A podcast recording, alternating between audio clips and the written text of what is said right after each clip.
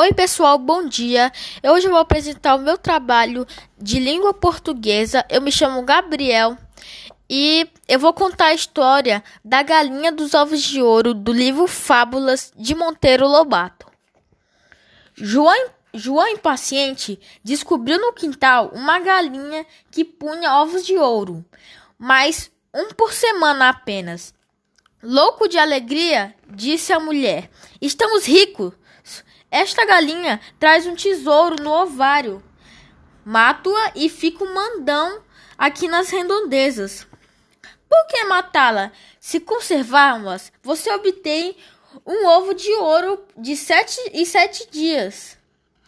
Não, não fosse eu, Ju, não fosse eu, João impaciente.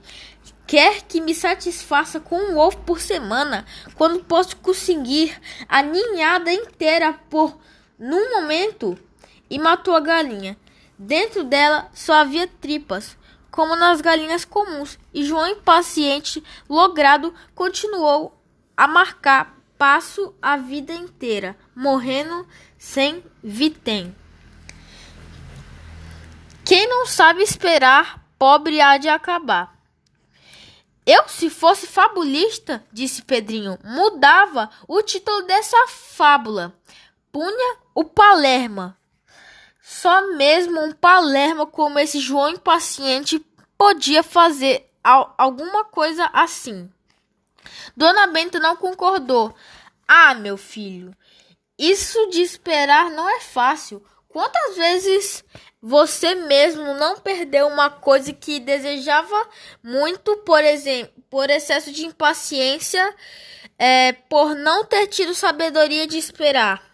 Ainda ontem, vovó, ele quase pegou uma saída das raras, ajuntou narizinho, mas não esperou ela que ela entrasse bem bem na armadilha. Puxou o cordel antes é, an antes do tempo. Pedrinho também é palermo às vezes, por falta de paciência.